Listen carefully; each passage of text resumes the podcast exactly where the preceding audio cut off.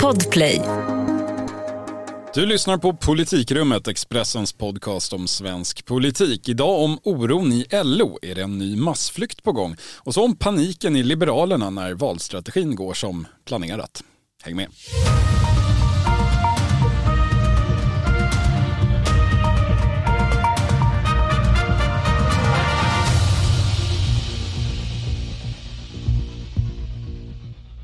Det är tisdag den 6 september och fem ynka dagar till valet. Här för att genomföra mandatperiodens sista sammanträde i politikrummet. Det är jag, Viktor Bartkron och du, Thomas Nordenskjöld. Hej. Hallå, hallå. Känns högtidligt. Visst gör det. Vi har alltså valt att inte göra som statsministern och ställa in vår valrörelse för att istället åka till EU och förhandla om elmarknaden. Nej men verkligen inte. Sedan kan man väl konstatera att Magdalena Andersson efter det där utspelet ändå hunnit hålla ja, ett antal pressträffar är det väl och varnat för finansiella systemets kollaps. Hon hade dragit med sig Stefan Ingves noterade jag. Sen så sent som igår så tror jag att hon eh, dessutom var på en liten turné. Eh, Avesta, Båläng och Falun om jag inte såg fel. Mm, mycket selfies och sånt. Eh, vi ska väl i och för sig påpeka att Dalarna ligger ju också i EU. Så. Jo, så är det ju.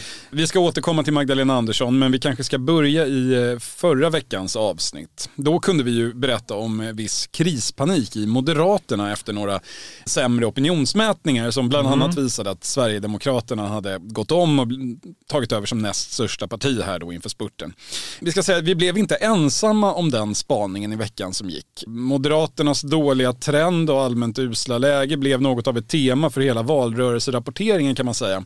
Och detta kulminerade sen i något slags likvaka i SVTs Agenda i söndags där en... Ja, det var dystert. Oerhört dystert. Och det här har också mött en del kritik ska vi vara ärliga och säga. Är det verkligen rimligt att det dras så mycket slutsatser av uppenbart svajiga mätningar, skillnaden ibland inte ens eh, utom felmarginalen? Frågorna är ju inte helt obefogade får vi ändå säga. Nej men absolut, den samlade bilden blev nog lite överdriven när alla drog på och hängde på oss såklart. Men alltså, jag tycker man, man bör ju notera någonting här och det är ju faktiskt att det är moderater själva som pratar om detta, alltså hur hemskt det är. Alltså om man som jag då lyfter luren eh, och eh, nås av massa ledande moderater, alltså på centrala maktposter som beskriver mycket stor oro, alltså ett närmast avgrundsdjupt scenario som man, som man eh, då eh, framställer som om Sverigedemokraterna skulle bli större än Moderaterna. Alltså att det är ett avgörande slag om partiets själ, där dessutom då partiledarens förmåga ifrågasätts. Alltså då kan man ju möjligen inflika att det finns ett visst värde att berätta om detta och hade vi mötts av samma ångest inom Socialdemokraterna så kan jag garantera att vi hade skrivit om det och då sannolikt också pratat om det i denna podd. Ja, där kanske vi egentligen har ett eh, större och mer grundläggande problem för Moderaterna än några dåliga opinionsmätningar, alltså det där eviga interna krypskyttet och eh, ja, förlorarstämningen i brist på bättre ord. Men det är ett annat spår för ett annat tillfälle kanske. Eh, ja, alltså det med borgerlighetens dåliga självförtroende, det hade jag gärna pratat om. Det är spännande, men det får bli en annan gång. Ja, vi får se.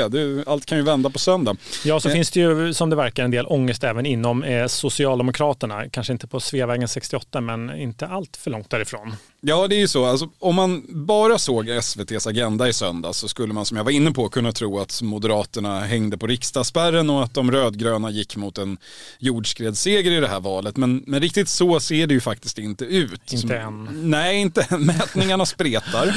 Det är lite olika från dag till dag, ibland från morgon till eftermiddag. Eh, men den samlade bilden blir ändå att det är väldigt jämnt. Jo. När jag var inne i morse och tittade på pollofpolls.se, alltså en sammanvägning av opinionsmätningar pengar tillgängliga här och nu, ja då skilde det 0,6 procentenheter på blocknivå och det är ju eh, ändå inte eh, något man kan betrakta som avgjort.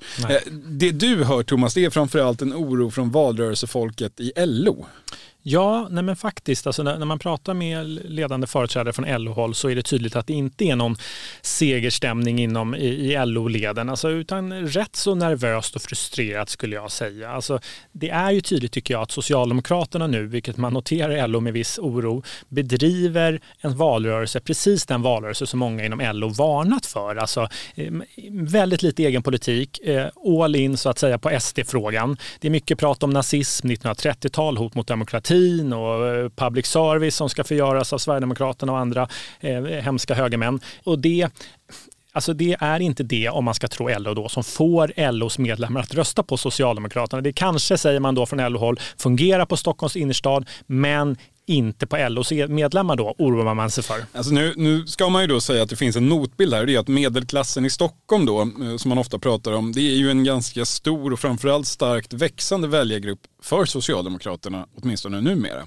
Alltså det var ju så i förra valet, en väldigt tydlig trend och det ser ut att bli så nu också om man tittar lite djupare där det finns möjlighet, eh, alltså lite bortom den här dagliga uppdateringen.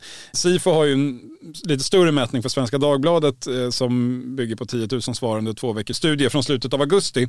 Där kan man bland annat se då att Socialdemokraterna går väldigt starkt i Stockholm relaterat till egentligen större delen av övriga landet.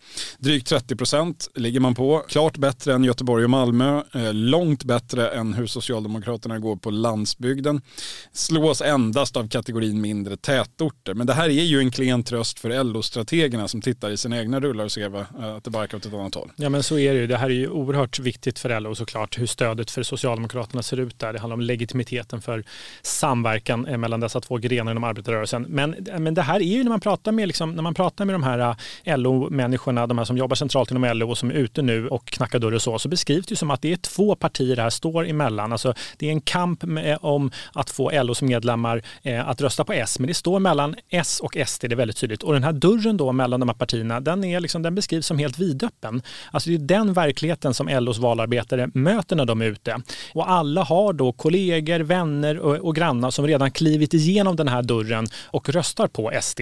Vilket gör då eh, argumentet med eh, spöket i fjärran lite svagare. Ja, men lite så. Man, man, tänker väl att de inte är nazister. Och dörren är öppen, eh, många har gått igenom den och fler kan det bli. Alltså nu är ju inte LO-medlemmar och självdefinierade arbetare riktigt samma sak.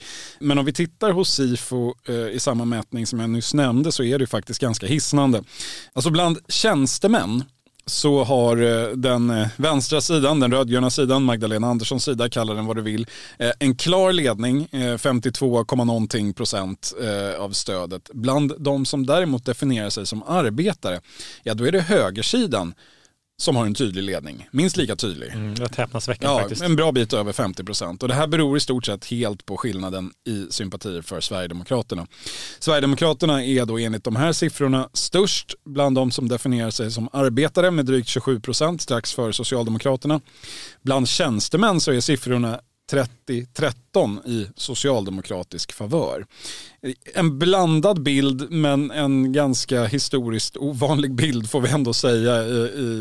Och det här blodflödet hoppades ju Socialdemokraterna att man kanske hade hejdat i något högre utsträckning än vad som verkar vara fallet.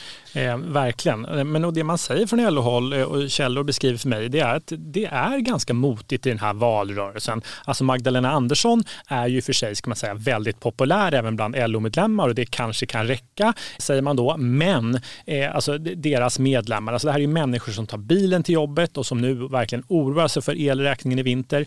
Och det man då vill från LO det är att Socialdemokraterna ska prata om det här, ha en egen politik. Och liksom, de, man, man, säger det tydligt, det är liksom plånboken väldigt tydligt som avgör för de här grupperna hur de röstar. Och det som liksom, möjligen då, eh, det man lyfter från LO-håll, fungerar då bättre som politisk strategi mot SD, det är att varna för Moderaternas högerpolitik, att man får den på köpet när man röstar på Sverigedemokraterna. Alltså man lyfter då ofta den här vinstfrågan eh, och de här liksom bjudluncherna med riskkapitalister som Sverigedemokraterna ägnade sig åt. Eh, det var mer eller mindre kö till SDs riksdagskansli. Det var Karl-Petter Thorwaldssons favoritargument som LO-ordförande den, den stod han och vevade med näven i luften. Eh, verkligen så. Och det man försöker göra då en tydlig poäng av är att man kan inte lita på SD nu heller. Alltså, det är LOs budskap och det man skulle vilja vara Socialdemokraternas budskap att så här, de kommer släppa a-kassan, kompromissa bort sjukförsäkringen. Det är, som, det är den valrörelsen LO hade velat att S bedrev. Och det var väl den man väntade sig att Socialdemokraterna skulle driva, för det gjorde man ju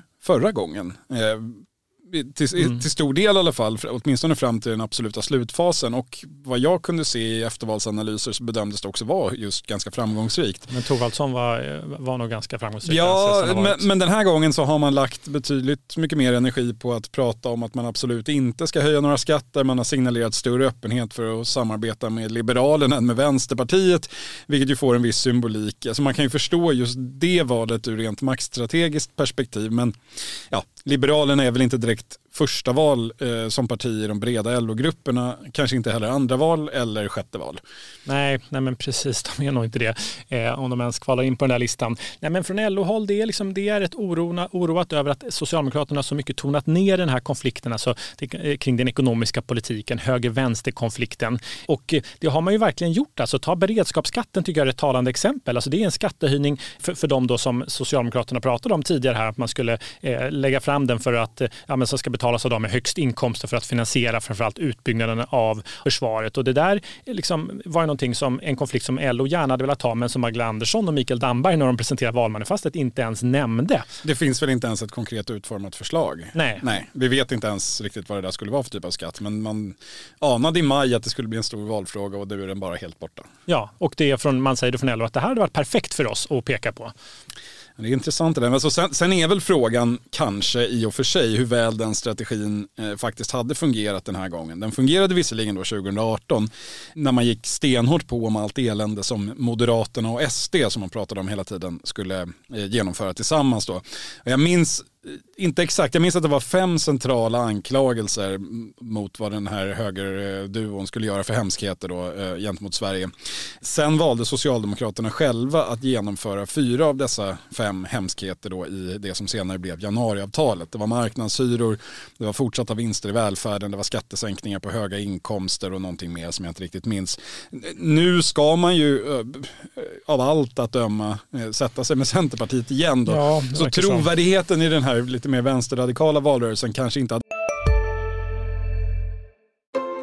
Just nu pågår vår stora season sale med fantastiska priser på möbler och inredning. Passa på att fynda till hemmets alla rum, inne som ute, senast den 6 maj. Gör dig redo för sommar. Välkommen till Mio. Hej, Synoptik här. Visste du att solens UV-strålar kan vara skadliga och åldra dina ögon i förtid? Kom in till oss så hjälper vi dig att hitta rätt solglasögon som skyddar dina ögon. Välkommen till Synoptik. Varit sådär öronbedövande ändå. Om man nej. ska säga något i Mikael Dambergs försvar. Om man nu nej. kan säga så. Ja, nej men verkligen. Sen, alltså jag tycker det ska bli väldigt intressant att se tycker jag hur liksom när vi har ett valstat, inte bara hur, hur partiernas faktiska siffror ser ut utan hur den här politiska kartan kommer se ut. Alltså om det här blir valet då Socialdemokraterna verkligen blir ett parti för medelklassen i storstäderna. Eh, men vi får väl grotta ner oss i det där efter på måndag kanske, eller när man nu får ta del av de där siffrorna. Ja, vi kommer få en sån här politisk karta som ser eh, tvärtom ut tvärtom mot den gjorde när man växte upp och landet var rött och så var det några små blåa pluppar vid storstäderna. Nu kanske det blir tvärtom, men som sagt vi får se på måndag morgon.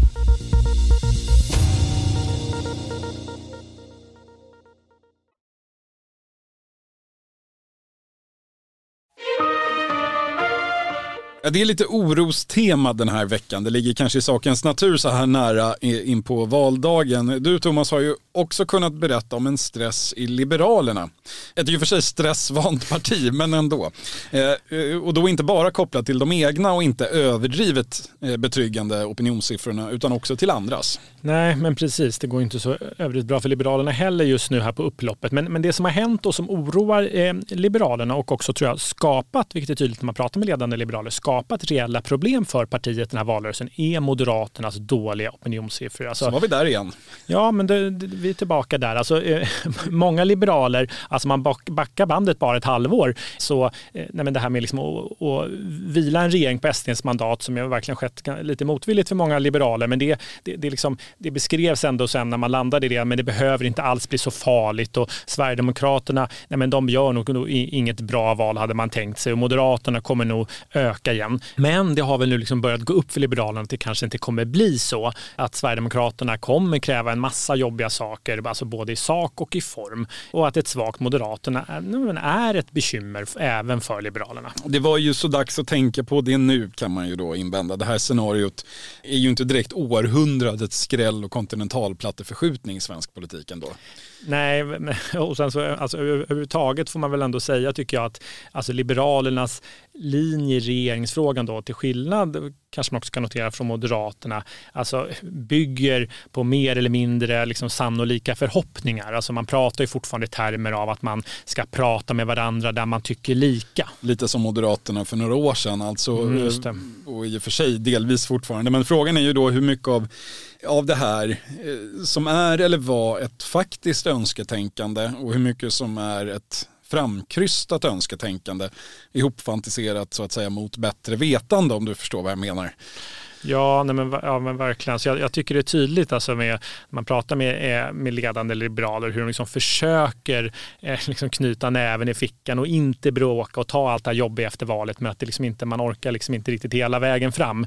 Men, men jag slås ändå av när man, när man, när man liksom lyssnar in och pratar med många av de här liberalerna att eh, man, man, man försöker hålla det borta från sig. Man vill inte prata om det här med organiserat budgetsamarbete eller inte. Man vill inte prata om den uppgörelsen med SD om migrationen som kommer, som kommer kräva krävas, utan nu är liksom fokus på rädda partiet. Men, men, liksom, men det är så mycket oro att den ändå på något sätt, eh, den, den, de kan inte hålla den tillbaka, den pyser liksom fram på något sätt. Jag är fascinerad över hur, hur tyst det har varit i Liberalerna nu det här senaste halvåret. Det liknar ju ingenting man har upplevt i, i det partiets historia. Men nej, med tanke på att de andra tre partierna som samtliga är större, två betydligt större, eh, att de är helt inställda på att det ska vara ett budgetsamarbete här, mm. så känns känns det ju som att man, eh, det känns ju som ett medvetet självbedrägeri snarare. Det, det är en uppförsbacke att få eh, Liberalernas, eh, det, att det man säger skulle bli verklighet, man kan ju inte riktigt tro på det ens själva. Nej men det är väl det som man märker här och det tar sig också uttryck,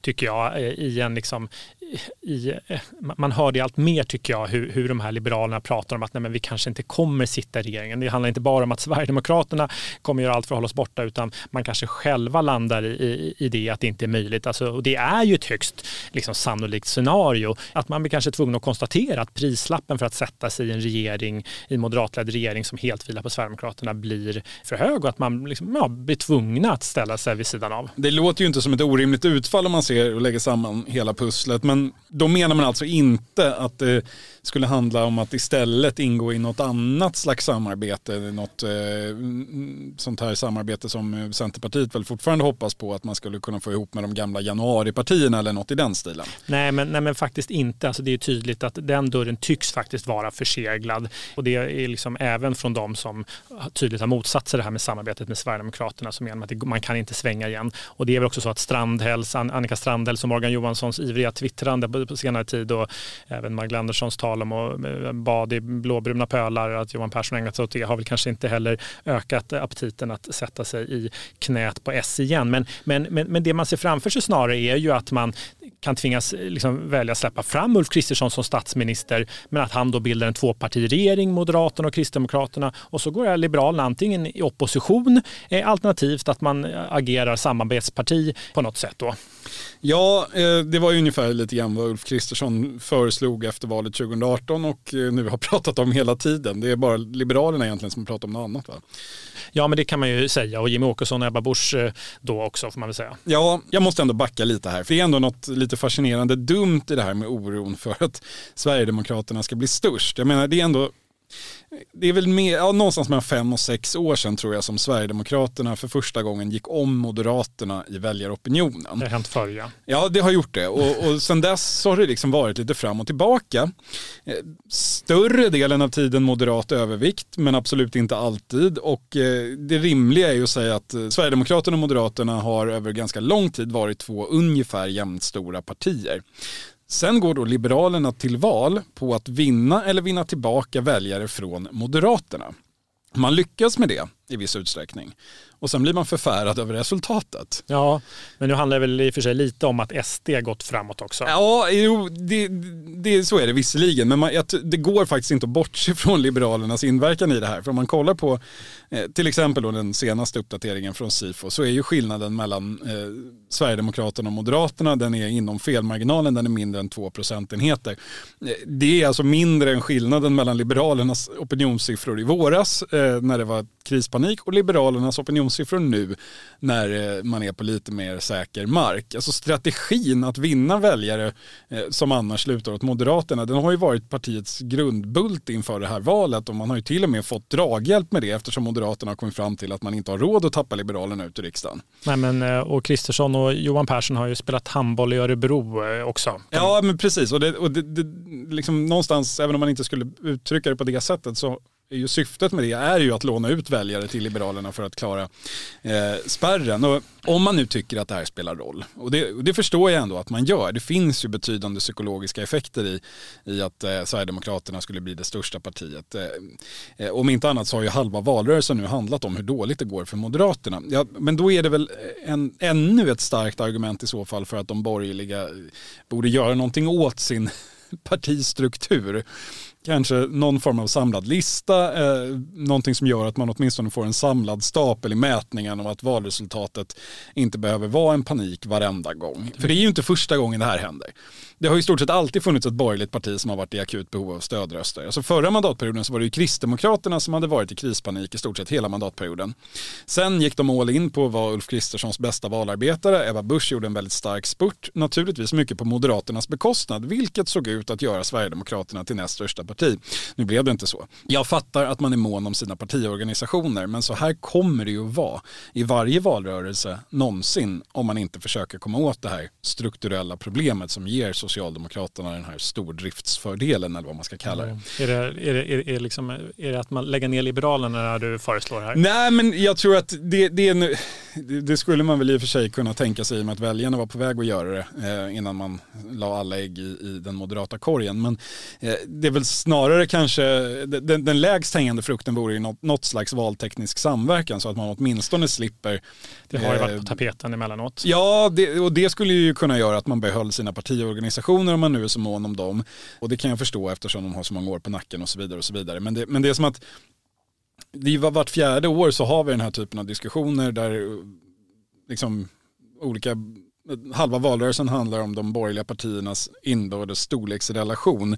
Det känns inte särskilt produktivt för den sidan av eh, politiken men eh, ja, man envisas ju med att inte åtgärda det och istället så går man omkring och har ångest för att antingen för att man själv är liten eller för att någon annan är det eller för att någon tredje är ännu större. Ja, det är som det är tydligen. Ja, alltså runt Centerpartiet och Liberalerna har det ju liksom funnits diskussion om någon slags sammanslagning i 50 år. Just nu känns det väl som att det, det, det är inte nära förestående. Det är nog längre längre bort nu tror jag, någon gång under de 50 åren faktiskt. Ja. Men, men Framtiden är lång, historien hinner säkert upprepa sig igen. Det börjar bli dags att avrunda för idag eh, och för den här mandatperioden ska vi säga. Var tillbringar du din söndagskväll Thomas? Men jag ska faktiskt vara på Moderaternas valvaka. Eh, alltså egentligen vill man ju vara överallt men det känns som att det kan bli spännande nästan oavsett hur det går. Alltså den där eh, kampen om partiets själ som någon har beskrivit, om, eh, beskrivit som väntar här vid en valförlust. Där vill man gärna vara med från början, där vill man vara med från början om det är nu så att de förlorar. Och vinner de så kan du vara först med att berätta om regeringssammansättningen eller någonting sånt. Verkligen. Själv kommer jag sitta här i Expressens eh, tv-studio hela kvällen eh, så får vi se i efterhand var det var bäst stämning. Titta gärna på Expressens valvaka på söndag alltså. Jag är i studion, Thomas är med från fältet. Eh, Helena Gissén som brukar vara med oss här, hon kommer också vara ute och fara, liksom många andra av våra kollegor. Annars är vi tillbaka i den här kanalen, poddkanalen alltså, om en vecka på tisdag den 13 september. Och Sverige, då har vi ett resultat. Tack för idag Thomas. Tackar. Tack för den här mandatperioden. Ja. och tack till er som har lyssnat idag och tidigare. Politikrummet stänger för nu men öppnar igen om en vecka med nya förutsättningar och eh, nya mandat att räkna. Ha det bra så länge. Hej.